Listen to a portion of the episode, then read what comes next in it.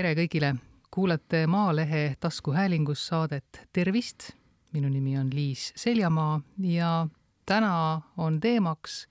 immuunsüsteem. sellest räägib proviisor, Tartu Ülikooli Farmaatsia Instituudi juhataja ja farmakognoosia professor, ravimtaimede uurija doktor Ain Raal. tervist ja olgu kohe ka öeldud, et ega ma ei ole kõige õigem inimene rääkima immuunsüsteemist selle väga peenetes nüanssides, aga, aga üldjoontes ikka jah, võime sellel teemal peatuda. Meeleldi, see on väga tähtis. mulle tundubki, et inimesed täna tahaksidki otsida abi noh, võib-olla just nimelt ravimtaimedest, nii-öelda esivanemate tarkusest, sellest teate te ju väga palju no olles nüüd jah,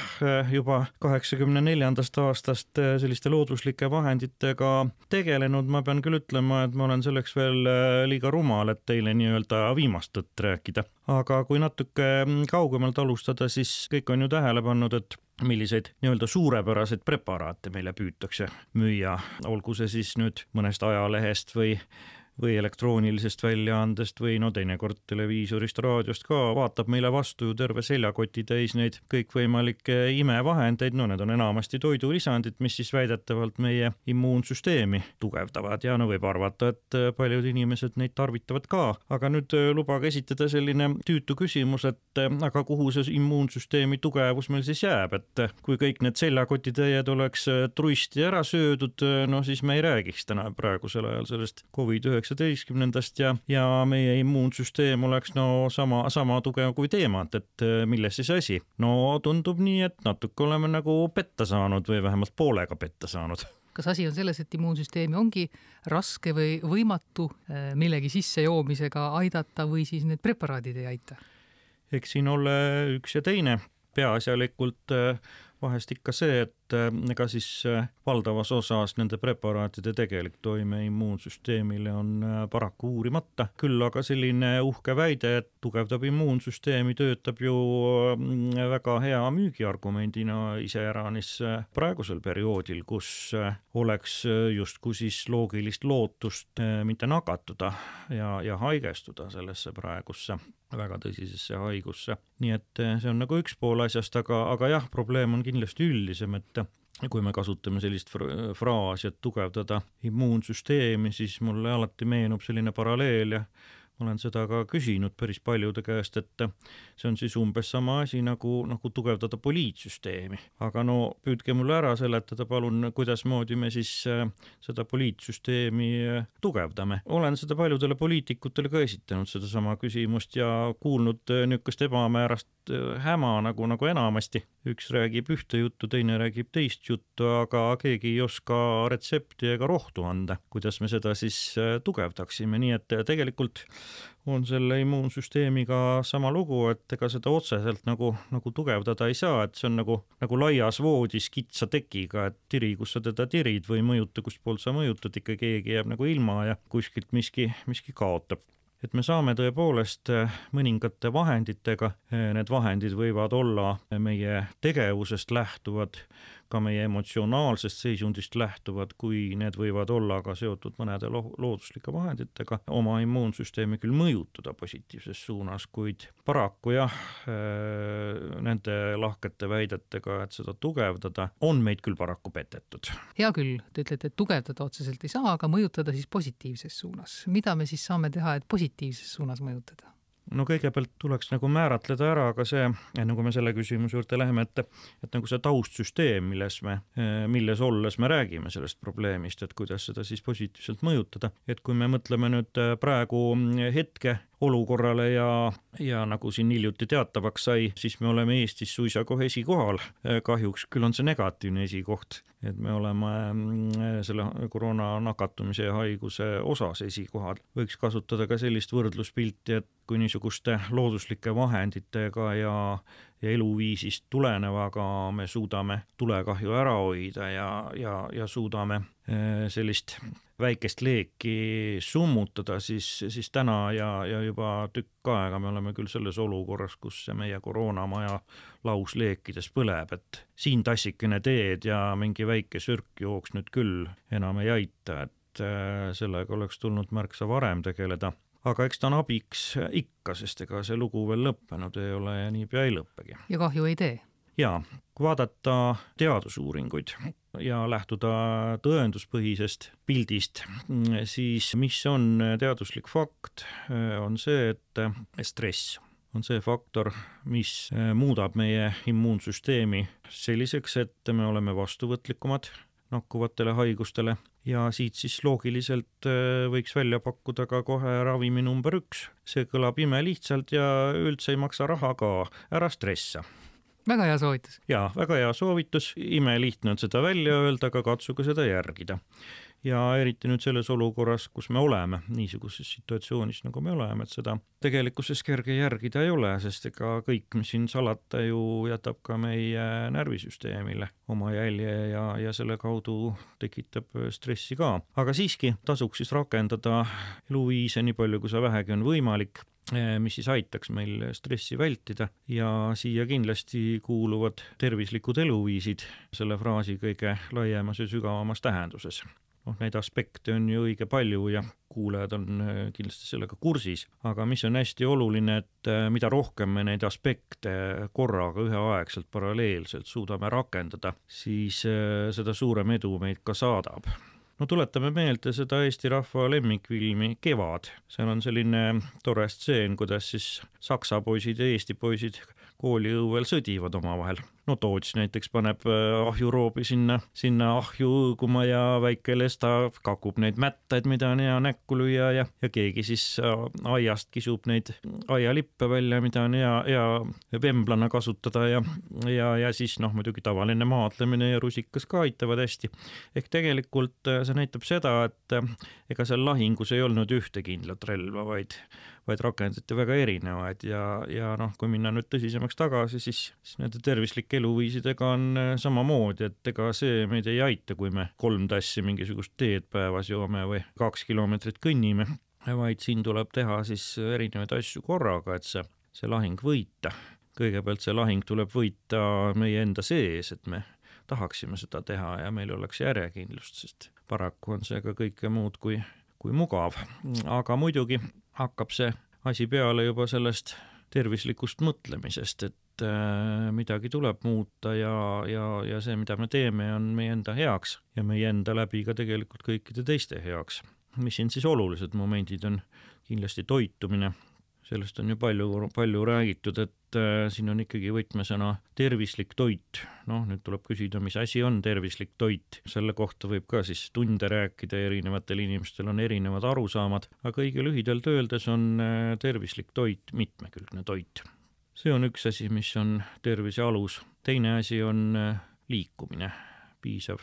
füüsiline aktiivsus, mitte ka ülemäärane, piisava hulga vee joomine emotsionaalsus, õige emotsionaalsus, vältimine sattumast äh, selliste negatiivsete emotsioonide kütke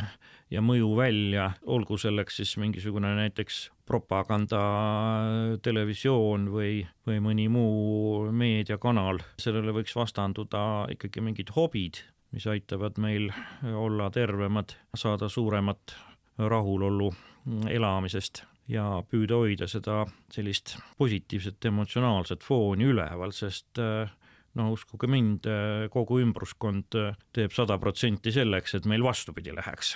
siinkohal teeks ühe väikse vaherepliigi, et võib-olla polegi küsimus nii väga selles, mida sisse võtta, vaid mida jätta võtmata siis, eks ole. tervislikud eluviisid eeldavad ka seda või tähendavad ka seda, et sa jätad pruukimata nii mitmedki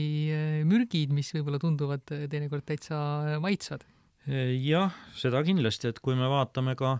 ka stressi seisukohalt seda probleemi, siis kindlasti jah, alkohol on üks, üks märksõna. mõttetu oleks nüüd hakata koolipapa kombel eh, siis moraali lugema, et ärge alkoholi tarvitage, et, et see tegelikult on selline salakaval vahend, mis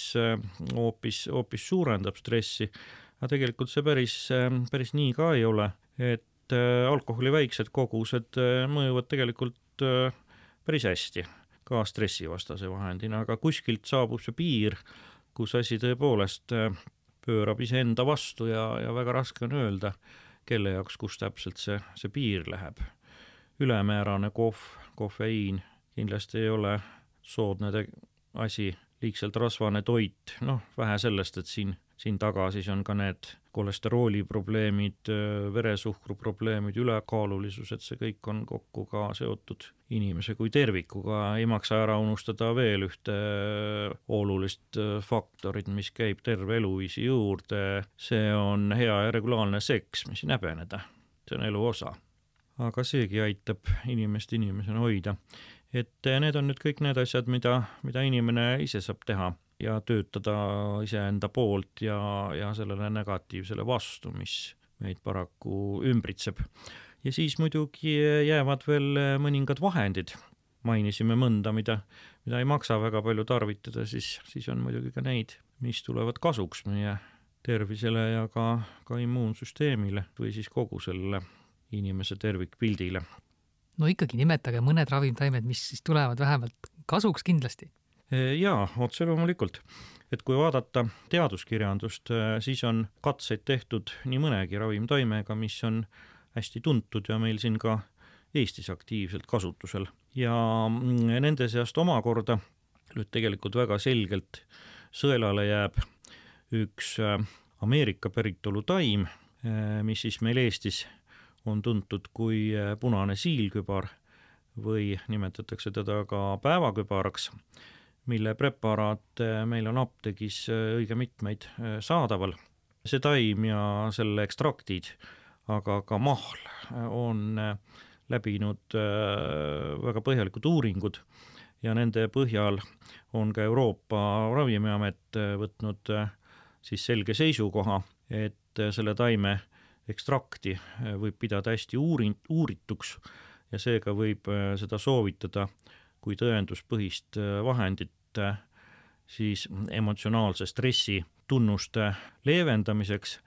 ning et see vahend äh, teaduspõhiselt tõstab meie keha vastupanuvõimet nakkushaigustesse haigestumisel. et see on tegelikult üks ja peaaegu ka ainus vahend, kus tõepoolest teaduslikud katsed ka inimestel on, on näidanud, et et äh, see tõepoolest toimib. ehk siis äh, see on praegu selles vallas, mis siis tegelikult ju ka positiivselt immuunsüsteemi mõjutab, number üks. aga tuleb muidugi arvestada, et ega seegi ei ole mingi imeline vahend äh, ja kui seda nüüd tarvitama hakata, noh näiteks kohe täna, siis kulub ikkagi vähemalt üks kolm nädalat ära, enne kui me saaksime rääkima hakata mingistki toime algusest ja see toime erinevatel inimestel võib olla ka üsna erinev, kellel parem, kellel nõrgem, mingit garantiid eh, siin ei tule ega teki, küll aga lootust. nüüd, kui me läheme taimede rida pidi edasi, siis eh, võib-olla üks tuntumaid ravimtaimi, mis on maailmas läbi aegade enim kasutust leidnud, on Shenzhen. Eestis ta meil ei kasva, kuid eh, jällegi preparaatidena apteegis hästi palju saadaval ja äh, on äh, talle omistatud ka erinevaid selliseid imelisi omadusi, kuidas ta üld tugevdab ja tõstab äh, vaimset töövõimet ja füüsilist töövõimet ja ja osaliselt on katsed tõepoolest seda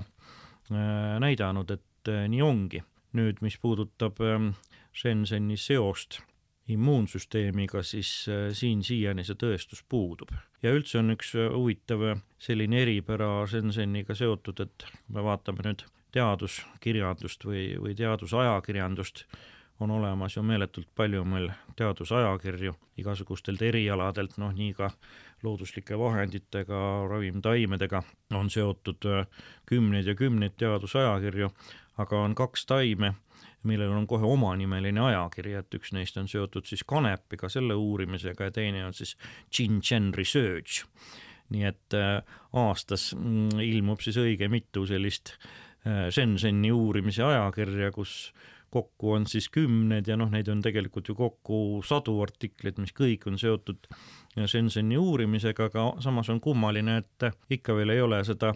selget äh, otsust või tõestust siis Shenzheni kohta ka, ka välja koorunud neist, äh, mis võimaldaks meil päris kindlalt ja tõenduspõhiselt väita, et Shenzhen toimib nii ja nii. nii et see näitab võib-olla päris kujukalt, et et äh, kui suur töö on tegelikult selliste looduslike vahendite uurimine ja, ja ei tule need tulemused kuigi kiiresti. või võtame siis kolmanda taime veel, see on meil kodudes üsna kättesaadav ja laialt kasutatav ja see küll noh, surub inimesi küll noh, naljaga pooleks öelduna eneseisolatsiooni ja see on loomulikult küüslauk, mille puhul on päris selge nüüd see, et äh, küüslauk äh, mõjutab positiivselt meie kolesterooli taset veres, sellega ta aitab ära hoida ateroskleroosi ja teisi südame-veresoonkonnaga seotud haigusi ja arvatavasti paljus tänu sellele küüslauk äh, kuulub ka nende kolme ravimtaime hulka, mida mõni aeg tagasi on maailmas kõige enam tarbitud, kõige enam all mõeldakse siis äh, rahalist väljendust, et nende taimede preparaatide eest on inimesed maksnud siis kõige suuremat summat raha. ja üks on siis just nimelt see küüslauk, teine muide oli Shenzhen, millest äsja rääkisime, ja, ja kolmas on äh, naistepuna, aga no naistepuna on nii, et äh, see on siis looduslik antidepressant ja, ja no tahaks küll kuulajale soovida, et äh, tal naistepuna vaja ei lähe, et õnnestuks meil see stress maandada kuidagimoodi, sest see võib üle, üle kasvada depressiooniks. aga küüslauguga jah, on siis et miks ta populaarne oli, just see kolesterooli reguleeriv toime ja teine, mis paraku jääb ikkagi teadusuuringute foonil niisuguseks rahvajutuks, on siis väidetav immuunsüsteemi tugevdav toime. seda ei ole tõestatud, ei ole näidatud, et küüslauk ka,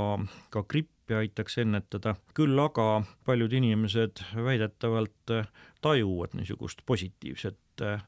küüslaugu mõju nimetatud juhtudel ja siin võib olla kaks põhjust, et äh, üks on see, et olgugi, et meil ei ole selliseid veenvaid teaduslikke tõendeid praegu veel, võib tal siiski olla mingigi positiivne mõju immuunsüsteemile ja kindlasti teine põhjus on see, et küüslaugul on näidatud ka katseklaasi tasemel siis otsene selline viirusevastane mõju teatud äh, gripitüvedele, aga neid äh, gripitüvesid on teadupärast palju ja, ja kui me nüüd äh, tunneme, et me hakka, hakkame haigestuma ja tarvitame küüslauku, siis see on omamoodi nagu, nagu loterii allegrii, et kas läheb pihta või ei lähe pihta, et vahel võib isegi, isegi juhtuda. ehk noh, see on umbes see koht, kus, see on siis selline anekdoot, et patsient tuleb arsti juurde ja on, on hästi rõõmus ja, ja räägib arstile, et teate, doktor, et need ravimid, mis te mulle kirjutasite, need tõepoolest aitasid ja no selle peale arst ütleb filosoofilise rahuga, et jaa, et teate, seda juhtub vahel.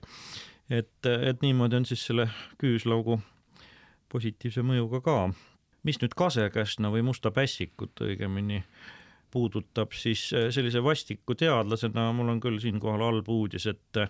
ja, ja on väga tore, et Eestis neid preparaate nii palju valmistatakse ja aga paraku tõestus, et see kuidagimoodi meie immuunsüsteemi äh, mõjutab, äh, teadusmaailmas küll äh, kahjuks puudub. noh, hea uudis muidugi on see, et ilmselt ei tee ta ka immuunsüsteemile kahju sellest lausest tahaks edasi arendada teemat, et kas on võimalik ka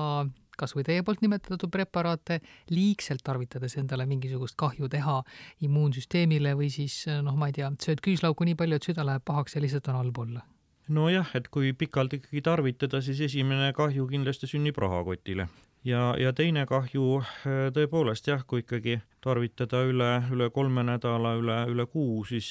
siis ta hakkab teisipidi ka ja negatiivses mõttes immuunsüsteemi mõjutama. küüslauk siis või veel midagi? põhiliselt ma mõtlen jah, eeskätt just seda ehinaatset ehk siis siilkübarat, mis on, mis on siis hästi uuritud.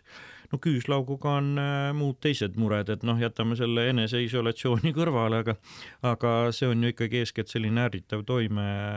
ju limaskestadele, eks ole. Et kui on inimesel sooduvus kõrvetiste tekkeks, nii-öelda tundlikuks maoks, siis see küüslauk selles mõttes äh, head ei tee, aga, aga sellega on äh, jah, nii nagu, nagu siin